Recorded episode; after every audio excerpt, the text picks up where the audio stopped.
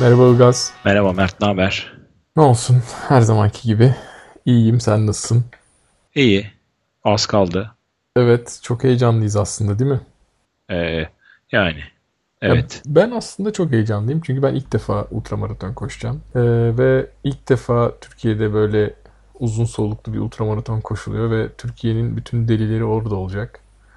Ben de orada olacağım. Hepsiyle henüz tanışmadım. Tanışmadıklarımla tanışacağım. Heyecanlıyım o yüzden yani. Ben de Allah valla mesafeden çok insanları göreceğim. Gene biz biz olacağız diye heyecanlıyım ve mutluyum. Evet. Biraz şey son birkaç gün yağmurlu geçti. Bilmiyorum İznik, Bursa, Yalova tarafları nasıl ama e, biraz içimde endişe var açıkçası zemin nasıl olacak diye. Ben çok endişelenmiyorum. Çamur olacak kesin. evet aslında değil mi? Biz gittiğimizde öyleydi. Umarım o kadar olur en fazla. Daha fazla olmaz. Evet. Ama iyi hazırlıklar tamamlanmış. Yarın rota işaretleme işini hallediyor olacaklar diye biliyorum. Hı hı. Bu arada İznik halkı çok motive ve olaya entegre olmuş. O çok mutluluk verici bir şey. Ee, oradaki okuldan bayağı destek almışlar. Sitede var sosyal sorumluluk projesi başlığı altında. Çocuklar bayağı heyecan tanıtım filmi çekmişler. 10 kilometre parkurunu koşmuşlar. Ondan sonra broşürler dağıtmışlar. Bilgi masası kurmuşlar. Herkesi bilgilendirmişler. Çok kayıtlara, iyi ya. Çok evet iyi. evet kayıtlara çok. falan yardımcı oluyorlar. Aslında buradan belki şunu da duyurmak lazım.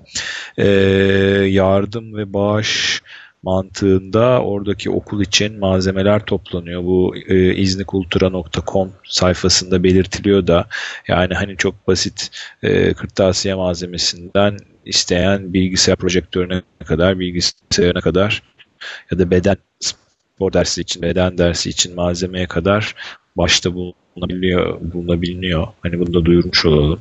Güzel yani hareket gelmiş biraz İzni'ye bu şeyle vesileyle. Evet ben şey yaparım. Bu sosyal sorumlulukla ilgili bağlantılar, linkler varsa onu e, Var. bölüm notlarına eklerim. Yaşasın. İyi fikir. Ee, şey o çocukların fotoğraflarını falan ben de gördüm. Benim Film çekmişler yahu. Gördün mü onu? Ve şey yani biraz böyle organize de olunmuş gibi görünüyor. Ben e, bir iki otelle konuştum oraya işte gideceğim bir yer ayırtayım diye. Hepsi e, olayın şeyindeler yani biliyorlar ve o iş için geliyorsanız şöyle diyorlar filan açıklamalar yapıyorlar.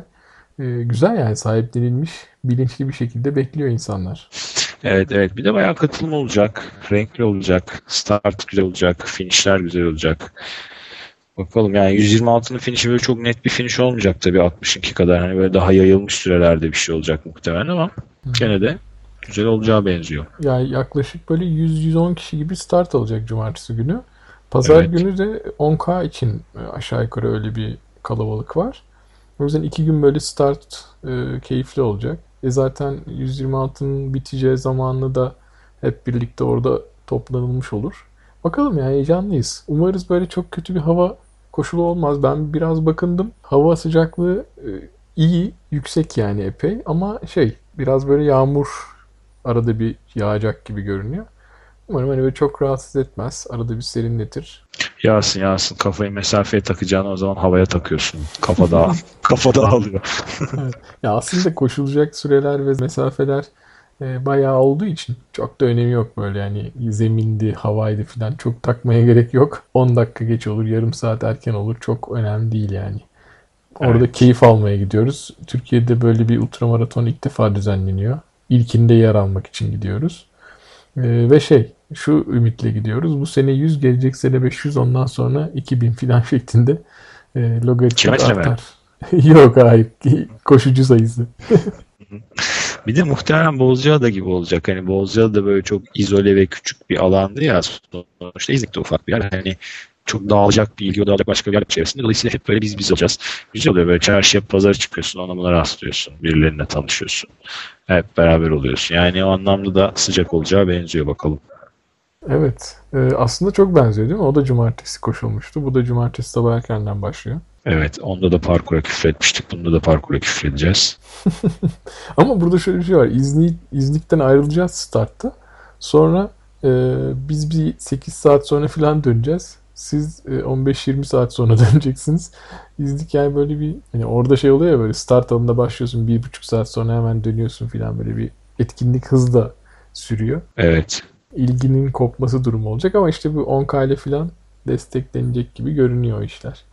Evet, İznik böyle. Bu hafta sonu İznik'e gidiyoruz. Umarız hiçbir aksilik çıkmaz hiç kimse için ve güzel bir yarış olur. İnşallah. Ee, zaten şey, e, muhtemelen gelecek bölümde detaylarını konuşuyor oluruz. Koşudan soğumuş olarak okçuluk üzerine değil mi? Evet Geç. evet. Böyle 10 dakika İznik'ten bahsedip sonra handball konuşuruz. Evet, diğer neler yapılabilir. e, o yüzden hani e, bugünkü konuya geçelim istersen ya da aklında başka bir haber söylemek istediğin bir şey varsa önce onu dinleyelim sonra bugünkü konumuza geçelim. Haber haber yok vallahi ben İznik'le, İznik'le kalkıyorum sapık gibi makarna yiyorum bir haftadan beri. Evet bu aralar şeye odaklandığımız için hani önümüzdeki yarışa ve büyük bir yarış olduğu için çok fazla bir haber yok.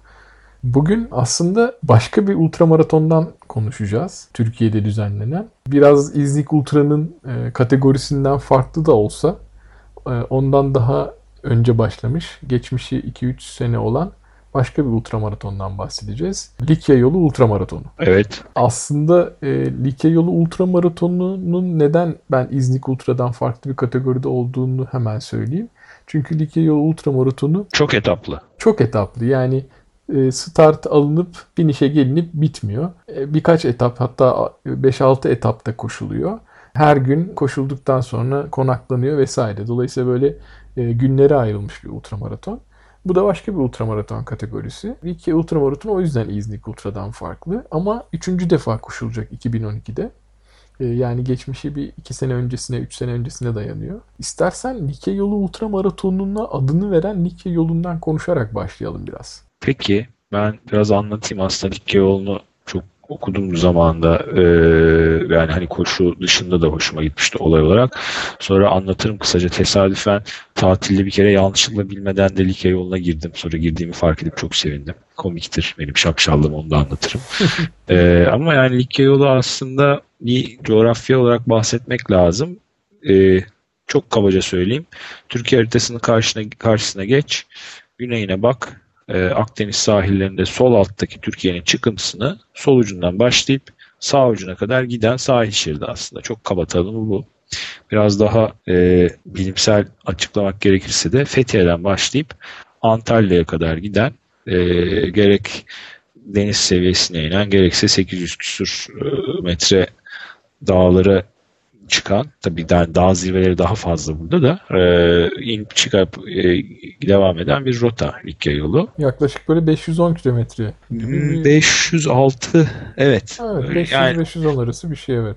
Tabii şöyle yani hani böyle çok net bence bir başlangıç ve bitiş noktası çok gösterilebileceğini zannetmiyorum. Hani belki bugün kabul edilen bir şey vardır ama sonuçta çıkış yolunu düşünürsen bu adamların hani ulaşım ve ticaret için kullandıkları yolsa hani böyle evet şu köşeden başlıyor bu kavşakta bitiyor demek herhalde o dönemde en azından çok mümkün olmayacaktır. belirli yerlerden geçen bir evet. şey patikalar bütünü. Evet, evet, evet. Hatta bazı yerlerde alternatif galiba iki yerde ana ayrımlar var. Yani deniz seviyesinden giden bir rotada oluyor. Dağa çıkıp giden bir rotada oluyor. Böyle bir iki yer oluyor. Ee, ilk önce aslında trekking için, yürüyüşçüler için kullanılmış. Ee, tabii yani çok uzun geçmiş olan bir yol burası. Yani tarihi anlamda bir e, geçmişi olan yol. Fakat daha sonra e, Kate Clow isimli bir e, İngiliz vatandaşının çabalarıyla, sevgi dolu çalışmalarıyla e, gün ışığına çıkıyor demeyelim de duyuruluyor. Daha dünyaya açılıyor. Bir şekilde basına yansıyor ve tekrar böyle gündeme getirilip insanların evet, ilgisine evet. sunuluyor. Aynen. Yani kullanıma açılıyor diyebiliriz. Kapalı mı bu yol? Hayır değil ama e, hani bunun bakımını yapıyorlar, tanıtımını yapıyorlar, işaretlemesini yapıyorlar, rotasını çıkartıyorlar. Daha sonra e, Garanti Bankası sponsorluğunda e, yolun işaretlemesi detaylandırılıyor. Yanlış hatırlamıyorsam zaten bu e, kültüre katkı anlamında bir proje yarışması açılıyor. Bu da Kate Glow'un sunduğu e, ta, şey fikir yarışmaya yani Likya yolunun böyle bir marka haline getirilmesi, uluslararası mecralarda duyurulması. Aslında burada üzücü bir şey var. Uluslararası mecrada daha çok tanınıyor Likya yolu Türkiye'den. Hatta bir istatistik okumuştum. Ee, yaklaşık değerler söyleyeceğim. Mesela böyle her sene 10 bin kişi falan yürüyor diyelim Likya yolunu. Bunun e, böyle 3000 falan Türk, gerisi yabancı. Yani yurt dışı trekking turizme e, acentaları tarafından çok güzel pazarlanıyor. Güzel turlar düzenleniyor. Ve aslında burada çok ciddi bir şey var. E, ticaret kapısı var. Çünkü buranın üzerinde birçok e, hosteller ve e, konaklama imkanları ve restoranlar var. Tamamen bu yolu yürüyenlere yönelik yapılmış. Hani biraz şey gibi bu sırt çantalı interrail cemaatine hizmet veren hosteller mantığında. Bunlar biliniyor, işte puanlandırılıyor, tavsiye ediliyor ve kendilerini bu olaya göre bunlar organize ediyorlar. Hani yatma imkanları, yiyecek sunmaları, işte atıyorum giriş çıkış saatlerine rahatlığı falan hep bu yürüyüşçülere göre ayarlanmış yerler. Yani aslında çok şirin, basit yerler. E, mütevazi ve daha primitif yerler ama dediğim gibi bu zaten hani düşündüğün zaman da sonuçta bu işi yapan adam da kalkıp orada 5 yıldızlı otel çizgisi aramıyor hiçbir zaman. Hatta şey değil mi böyle e, hostelde kalmayıp e, yanında böyle çadırını veya uyku taşıyan ve hiçbir yerde konaklamayan insanlar da var. Tabii tabii çünkü aslında çok güzel bir doğa. Yani deniz kenarına inebiliyorsun, bir sürü şelaleler var, kanyonlara giriyorsun, çıkıyorsun. Ee, yani neredeyse dört mevsim e, değişik şartlarda kat edilebilen bir rota. Sen bir sayıdan bahsettin ya işte şu kadar kişi diye ya da yüzde gibi Evet. bir şey verdin. Bu Evet. böyle e, burayı yürüyenler kayıt altına alınabiliyor mu bir şekilde? Nereden çıkmış bu? Ben bunu Yoksa nerede hani okudum? istatistiksel öyle bir çalışma mı? Ee, kayıt altına alındığını çok zannetmiyorum. Yani bazı bölümlerinin giriş çıkışları Milli Park başlığı altında. Mesela anlatacağım şimdi Göynük Kanyonu'ndan ben hani yanlışlıkla girdim dedim ya Göynük Kanyonu'ndan girmiştim. Orası mesela Milli Park sayılıyordu. Bilet kesiliyordu ama yani hani orada da sonuçta bildiğin o böyle 5 santim ve 5 santim dip koçağında lay lay biletlerden veriyorlar. Yani hani böyle bir Hmm. sisteme girip bir şey kontrol ettiklerini çok zannetmiyorum bu anlamda. Yani oraya gelen dikey yolunu yürümeme, yürümeyen ama oraya gelen insanlar da var sonuçta. Şu kadar bilet satıldı, şu kadar adam dikey yolunu İşte. demek çok mümkün değil. Ama Evet, anladım değil. yani muhtemelen yapılan hani ufak tefek rastgele sayımlar e, veya hani e, anketlerle ortaya çıkmış bir rakam. Evet evet ya da işte turizm ayağından kontrol ediyor olabilirler ama öyle hani şey gibi değil sonuçta bilmem ne dağına çıkmak gibi ya da Everest'e çıkmak gibi gidip bir belge izin alman veya kendini kaydettirmen ben giriyorum ha bakın yoldayım demen gerekmiyor jandarmaya falan. Tabii ve şey değil mi hani böyle bir ucundan girdim öbür ucundan çıkmak zorunda değilsin. Yani bu sonuçta herkese açık böyle bir yol. Kimisi gidiyor bir kısmını yürüyor. Bazen mesela ben tatile gittiğimde tam böyle iki yolun üzerinde bir yerde kalıyorsam şöyle sağa sola biraz yürüyorum geliyorum. Yani sonuçta şey hani çok da böyle nasıl diyeyim herkese açık olduğu için insanlar dönem dönem bazı yerlerini geziyor olabilirler. Evet zaten aslında güzelliği de o yani bence hani orada yapılacaksa böyle bir şey çok plansız programsız girip beğendiğin yerde kalıp yorulunca denize girip yorulunca işte yemek yiyip uyuyup devam etmeli. Yani öyle o ferahlığı olan bir yer çünkü güzel bir yer. Evet, evet. Velhasıl 1999 yılında e, hizmete açılmıştır diyor Kate Glover tarafından. Bu arada bunun bir sayfası var. Yani bu olayı anlatan, rotayı anlatan. Hatta gene Kate Glover tarafından hazırlanmış Likya yolunda yürümek diye bir kitap var. Bu kitabın şu andaki tedarik durumunu bilmiyorum ama ben internette zamanında çok okudum. İnsanlar bunu bulamıyorlar, ulaşamıyorlar sorunlu bir kitap diye. Nasıl olduysa ben buna niyetlendiğim sırada bir tane orada ama İngilizce yazışmalar yaptım. Bir link vardı sitenin altında. Ona tıkladım ben kitap istiyorum dedim. Benim de böyle PayPal falan gibi bir sistemle aldım. Ama kitap bana İngiltere üzerinden geldi. Türkçe kitap fakat İngiltere üzerinden geldi. Ee, ama sonuçta tedarik edebildim ama insanlar aa kitabı bulamıyoruz edemiyoruz diye bayağı bir yırtınıyorlar internette gördüm. Bir de GPS datasının peşinde koşup GPS datasını edinemeyen bir kitle var. Yani hani şimdi bu şimdi anlatacağım şey benim kişisel görüşüme biraz ters düşüyor ama şöyle bir sıkıntı var çünkü. Ee, kitabın içinden çok güzel detaylı bir harita çıkıyor. Ee, Ondan da bahsedeceğim birazdan. Ee, fakat GPS dataları var esas hani meraklısına indirip e, çok güzel detaylı GPS rota dataları var. Fakat internet sitesinden rota datasını indirmek istediğin zaman sana kitabın bilmem kaçıncı sayfasındaki kelimenin kelimeyi soruyor şifre olarak. Yani kitabı almış olmanı istiyor. Hmm.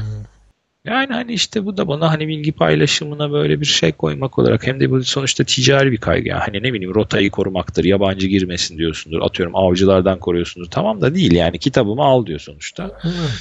Yani hani böyle benim Ama gibi şey orada da böyle bir çaba var. Bir şekilde bayağı bir çalışma yapılmış. İşaretlemeler falan var. Biraz sonra bahsedeceksin. Belki de hani onlara finansman ve yani sonuçta bunu yapan, bunun üzerinde çalışan adam çok da böyle hani başka bir kazancı olmuyordur diye düşünüyorum. yani sonuçta kitap 15-20 liralık bir kitaptı diye hatırlıyorum. Yani bu yürüyen 30 bin kişinin de kitabı satın aldığını düşünmüyorum sonuçta. Neyse Evet. e, söylenmeyeceğim çok siteye. E, kitap bu arada çok güzel bir kitap. Komik gelecek belki ama benim böyle bazen elime alıp hikaye kitabı gibi baştan sona okuyup okuyup hayallere daldığım bir kitap. Çünkü çok güzel fotoğraflar var. Rotayı çok güzel anlatıyor. Böyle yani resmen yürüyormuş gibi kendini orada hissedebiliyorsun. Sonra çok güzel eğim grafikleri var. Dakika dakika şuradan yürü işte bir havuzun yanına gelince 45 dakika sonra oradan yukarı git çatal ağaca gelince vadi çıkmaya başla orada bilmem işte köy kahvesi göreceksin oradan sağdan taşlık yola gir gibi çok böyle hakikaten detaylı tarif var içinde. Yani benim o anlamda önerebileceğim bir kitap. İlle koşmak, ultramaratona girmek de şart değil. Yani hani buna niyetlenen, plan yapan insanlar için çok böyle gönül açıcı bir kitap, ferahlatıcı bir kitap, güzel bir kitap. Aslında Kate Kulow ve ekibinin yaptığı işte ciddi bir iş. Yani bu işaretleme işi çok ciddi bir iş. Hı hı. E, haritacılık anlamında çok güzel iş. E, zaten bir ekip kitabın başında da anlatıyor sitede de. Yani tek kişinin işi değil tabii ki. Likke yolu böyle kısaca. İşaretleme dedin. Ben de hani bir ipucu vermiştim. Kate Kulov'un evet. yaptığı asıl iş aslında biraz da o değil mi? Kitabı yazmak evet. ve hani gündeme evet. getirmekten evet. başka. Evet. Yani çeşitli bir takım nasıl diyelim e, yerleşim merkezlerinde veya daha haritada nokta olarak gözüken yerlerde hep tabelalar var. Yani böyle standart da bir grafiği hesaplanmış belli boyutta hep aynı e, görsel dilde tabelalar hangi yöne nereye gittiğini kaç kilometre kaldığını gösteriyor. Altında sponsor logoları falan var. Daha sonra yani sapaklarda ana sapaklarda bunları görüyorsun. Daha sonra ara yollarda da bazen yani zemin yapısına ve çalı çırpı yapısına göre yani görüş mesafesine göre bazen böyle 15-20 metrede bir bazen de 50-100 metrede bir işaretlemeler var. E, genelde işaretleme kırmızı beyaz çizgi olarak kullanılıyor. Yani hı hı. basit bir boya ve fırçayla gidip ağaçları ve kayaların üstüne bir kırmızı bir beyaz eşittir işareti gibi iki çizgi koymuşlar. Bazen üst üste dizilmiş kule taşlar olabiliyor. Bunları takip ediyorsun. İlk başta bana zor gelmişti bu göynükte fakat bir süre sonra gözün alışınca e, hani ileri bakıp ileride işaret aramaya değil de normal yoluna bakıp koşuyorsun, yürüyorsun. Zaten yanından geçerken işaretleri yan gözle görür oluyorsun. Evet yani şey yapılmış değil mi? Böyle bir sistem benimsenip yapılmış. Sen o sistemi anladığın zaman nereye bakınca o işareti göreceğini aşağı yukarı kestirir hale geliyorsun. Evet sonuçta kalkıp da hani 3,5 metre tepede ağacı çizmiyorlar bunu. Hani yani böyle gözünün yan gözle bile görebileceğin böyle atıyorum 1 metre yüksekliklerinde veya işte diz hizasında bel hizasında çizgiler oluyor bunlar. Ve genelde de şey yapmışlar yani böyle ikilemde kalacağın ya burası mı burası mı diyeceğin yerde muhakkak bir işaret görüyorsun. Tabii tabii. bu arada çok komik. Geçen sene katılan Cenk arkadaşımız anlattı bu olayı. Ee, böyle bir yerde yarışın ortasında katıldıkları işte Likya yolu ultramaraton devam ederken böyle bir yol garipleşmiş işaretleri falan bakmışlar paldır küldür böyle bir koya inmişler yol bitmiş orada da böyle bir tane kıytırık restoran gibi bir şey sonra fark etmişler ki restoran sahibi e, rotanın bir yerinden işaretler koyarak kendi restoranına çekiyor insanlar. ya olacak değil. Tamam yani Türk e, yaklaşımı. Hatta Caner'in güzel bir yazısı vardı. Onun da linki da koşmak diye. Caner de öyle. Ondan bu yaz e, Likya yoluna girip böyle bir e, Ali'nin yeri e, diye oranın tabelalarıyla okları yönlendirmeleriyle böyle bir patikada koşmuş. Likya yolunun yan yolu gibi. E, olabiliyor tabii böyle şeyler. E tabii oluyor ben de hatırlıyorum. Göynükte yürürken böyle tabela koyuyor. Kanter içinde böyle güneşin altında yürüyorsun. Böyle herif soğuk bira 350 metre sonra sağda falan yazmış. Böyle aha diye çölde su bulmuş gibi koşuyorsun oraya. e, bu şey değil mi? Böyle parkur e, çok değişik zeminden oluşuyor. Yer yer kayalık, yer yer taşlık, yer yer toprak. Çok tabii, farklı tabii, sahile. zeminler var. Çünkü 500 Sağ... kilometreden bahsediyoruz. Evet sahile plaja falan iniyor. Çam ormanı olan yerler var. Hı-hı. Böyle karanlık rutubetli daha vadiler var. Mesela ben en sert bölümüne denk geldim muhtemelen. Bu Göynük Kanyonu'na girdim. Ciddi merdiven çıkar gibi kayalık yerlerden tırmandım. Yani koşamadığım yerler oldu. Hani koşacağım diye inatla girip. Ha, bu kadar ben... dik ve kayalık yerlerden geçiyordu. Evet ben de onu söyleyecektim. Yani böyle zemin zemin çok farklı diyoruz. Bir de şey çok farklı. Birden böyle çok ciddi yükseltiler çıkıyor ve düz duvara tırmanır gibi tırmanıyorsun. Bazen böyle evet. hafif eğimler var. Ee, bazen dümdüz böyle bir plaja inip bir kilometre iki kilometre dümdüz yürüyorsun deniz kenarından. Çok Tabii. farklı yani 500 e, kilometre olunca mesafe çok değişik şeylere rastlayabiliyorsun zemin ve yükseklik farklarına. Evet. Şimdi Likya ultramaratonuna dönersek ki ultramaratonu bu 500 kilometrenin hepsini içermiyor. Şimdilik. evet yani şu anda 240-250 kilometrelik bir bölümün yani yaklaşık yarısını kat ediyorsun Likya ultramaratonunda. Ve bunu 6 günde yapıyorsun değil mi? Evet. Ee, her günün uzunluğu aynı değil. Hatta bu çok etaplı ultramaratonlardaki bir e, raconda bir günü uzun tutmak long day diyorlar. Ha, yani öteki günlere göre öteki günlere göre bayağı farklı bir mesafe olan gün oluyor içinde. Hani bunu nasıl konumlandırıyorlar atıyorum o kaç gün içinde kaçıncı oluyor onu bilmiyorum açıkçası ama daha doğrusu her sene değişiyor olduğunu tahmin ediyorum. Değişik mesafelere koşman gerekiyor. Dinlenme durumları oluyor. Yani böyle 240 kilometreyi 6 gün deyince her gün 40 kilometre koşacağın gibi bir plan yok aslında. Böyle 20, 25, 30 falan koşarken bir gün böyle 55-60 gibi bir rakamla karşılaşıp senin dediğin gibi bir günü böyle uzun gün tutup devam ediyor. Yani her günü eşit düşünmemek lazım. Evet. Ee, Likya yolu ultramaratonu deyince ama benim kafamda hep güzel şeyler canlanıyor. Çünkü yakın çevremizden, arkadaşlarımızdan katılanların hepsi yani eksiksiz hepsi bunu çok sevgiyle ve saygıyla anıyor. Ee, rotayı, parkuru, manzarayı, genel organizasyonu, organizasyonun e, çalışanlarını, bütün ikramları, destek ekibini, herkesi çok e, mutlulukla hatırlıyorlar ve herkes tavsiye ediyor. Yani kimle konuşsam katılanlardan kesin yapmalısın. Ee, çok büyük bir yarış bu anlamda. Yani Türkiye'de ayağımıza gelmiş büyük bir fırsat olarak bunu değerlendiriyorlar. Kesinlikle çünkü bu tip yarışlar böyle e, Türkiye'de olmasını böyle hiç düşünmeyeceğin yarışlar. Böyle olduğunu görünce insan hoşuna gidiyor. Ama mesela şunu e, ben hemen burada ekleyeyim. E, ne dedik? 6 gün 240 kilometre dedik. E, bir de biz koşturmaca podcast yapıyoruz. Yani koşu yarışları, koşuyla ilgili şeylerden bahsediyoruz. Yani Likya yolu ultramaratonunun şöyle bir özelliği olduğunun altını çizmek lazım. Mesela İznik Ultra'dan ayrılan başka bir özelliği de bu.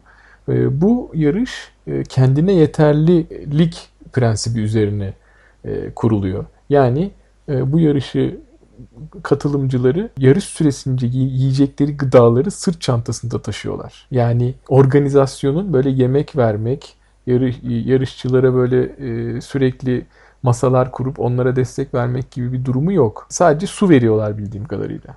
Evet sıcak su ve soğuk içme suyu tedavi, tedarik ediliyor diye biliyorum ben de ve hatta e, yolda durup dışarıdan destek almak, yemek almaya da çok e, sıcak bakıldığını zannetmiyorum. Veya yarışmacılar arasında yardımlaşma Yani dışarıdan yiyecek yardımı e, alan koşucular veya başka bir koşucuya yiyecek veren koşucular bildiğim kadarıyla yaptırımla karşılaşıyorlar. Yani bunun yani yardım almaktan kastım diğer koşucuların yanı sıra görevlilerden, yerel insanlardan, yerleşim birimlerinden geçerken e, satın almak vesaire bunların hepsi buna dahil. Yani aslında yarışın temelinde şu kural yatıyor. Kendine yeter yeter yetebiliyor olacaksın. Sırtında bir çantan var ve onun içindekilerle bu mesafelerin tümünü kat edebiliyor olacaksın. Aslında o yüzden hani belki de bugüne kadar bu podcast'te konuştuğumuz yarışlardan bir miktar ayrılan bir yarış. Yine tabii ki dayanıklılık, e, bir mesafeyi hızla kat etme, belki büyük miktarını koşma üzerine kurulu ama ağır bir sırt çantasıyla kendine yetebileceğin şekilde gitmeni gerektiren bir yarış. Bence zaten orada en büyük numara beslenme stratejisini doğru yapabilmek 6 gün boyunca. Yani bir doğru erzak almak, iki o doğru erzağı doğru tüketebilmek. Evet yani besleyici, e, yeterli kalori sağlayan ama aynı zamanda hafif ve kolay tüketilebilir bir şeyler taşımak. Ve onu doğru zamanda doğru şekilde yiyebilmek. Yani o da Evet. çünkü marifet değil ki. Yani doldur sırt çantana e, kıymalı böreği. Yani Evet yani sonuçta bu şu ne de bu şu demek oluyor yani. Biz diyoruz ya böyle yarım maraton, maraton koşarken önceden plan yapmak vesaire. Bu orada kastettiğimizin çok daha 10 katı kadar daha büyük şekilde bir planlama gerektiren bir şey. E, ciddi çalışma gerektiren bir şey. Çünkü mesela buna hazırlanan birisinin yapması gereken şeylerden bahsedersek kısaca e, bunun başında şey gelecektir herhalde. Orada taşıyacağın ağırlığa yakın bir ağırlığı sırtına e, takıp koşmak, yürümek, uzun süreleri o çantayla geçirmek gibi bir antrenman yapman gerekecek. tabii yani benim mesela o kadar ağır çanta tecrübem yoktur. Dask'ta bile bana dert olmuştu yani hani ikinci günde çanta ağırlığı. Çünkü o bilmediğimiz, alışık olmadığımız bir şey. Hı hı. Bacakların da alışık olmadığı bir şey. Yani güç olarak değil sadece denge, hareket yeterliği olarak da bayağı kısıtlayıcı bir şey. Bunları hep ders olarak çalışmak lazım diye düşünüyorum. Evet. Evet yani bir de Likya yolu ultramaratonunu bildiğim kadarıyla ilk iki senesinde olmayan bu sene ortaya çıkan farklı kategorilerde gerçekleştirme gibi bir yaklaşım seçilmiş.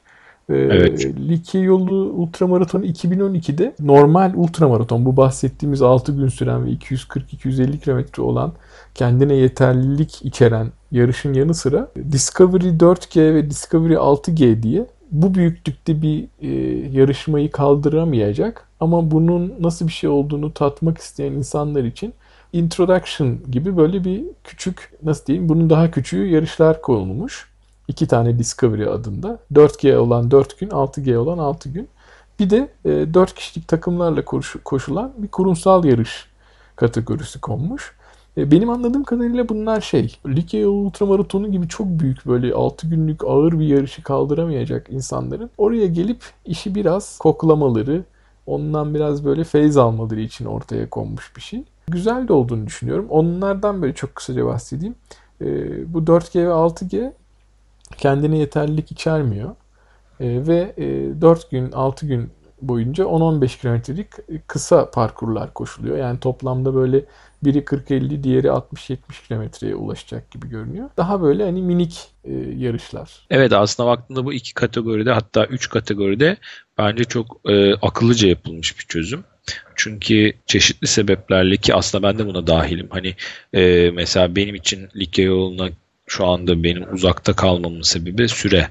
E, hani İstanbul'dan sonuçta starta gitmesi sonra finişten geri dönmesi konaklanması yolu derken bu e, totalle benim için fazla süreç alan bir şey. Yani beni tek düşündüren ve hala cesaret edememen benim en büyük sebebi süre. Hani muhtemelen bu yüzden de benim gibi düşünüp gidemeyen, atıyorum işinden izin alamayan ya da ne bileyim buradaki düzenini bırakıp uzun süre o kadar kopmak istemeyenler için de aslında güzel akıllıca yapılmış bir çözüm.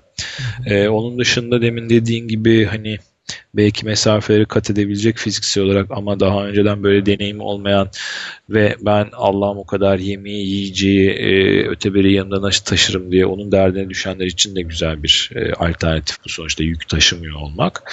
Bir de yani hani sonuçta 4 gün 15 kilometre biz şimdi ha evet işte azmış mazmış diyoruz da aslında çok da az mesafeler değil bunlar yani hani Tabii tabii. Yani ben, işte 60 asıl, kilometre 4 gün. ben minik dedim ama hani asıl ultramaratonu düşününce onun yanında böyle daha küçük kalıyorlar anlamında söylemek istedim.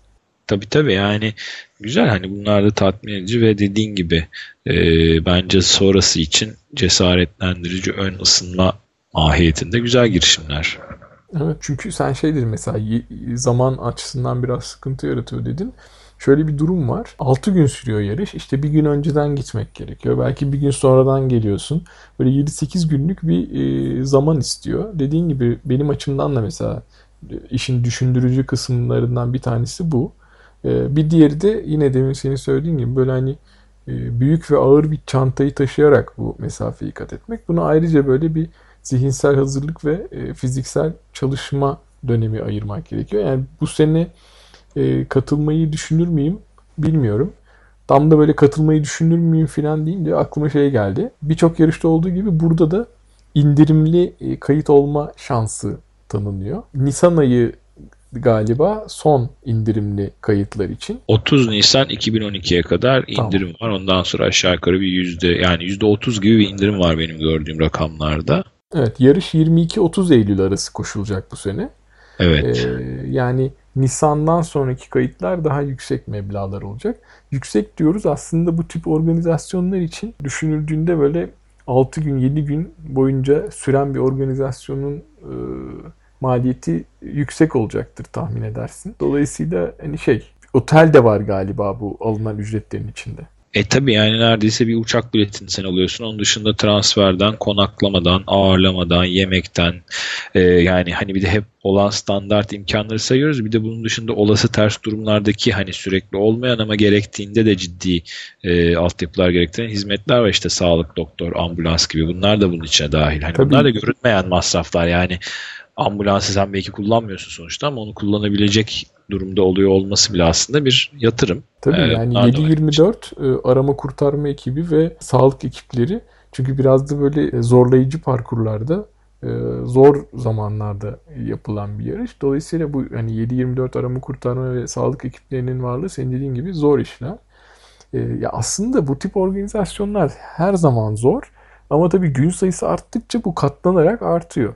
Dolayısıyla aslında meblağlara baktığında bu şekilde düşünmekte fayda var. Hazırda 30 Nisan'a burada 19 gün var.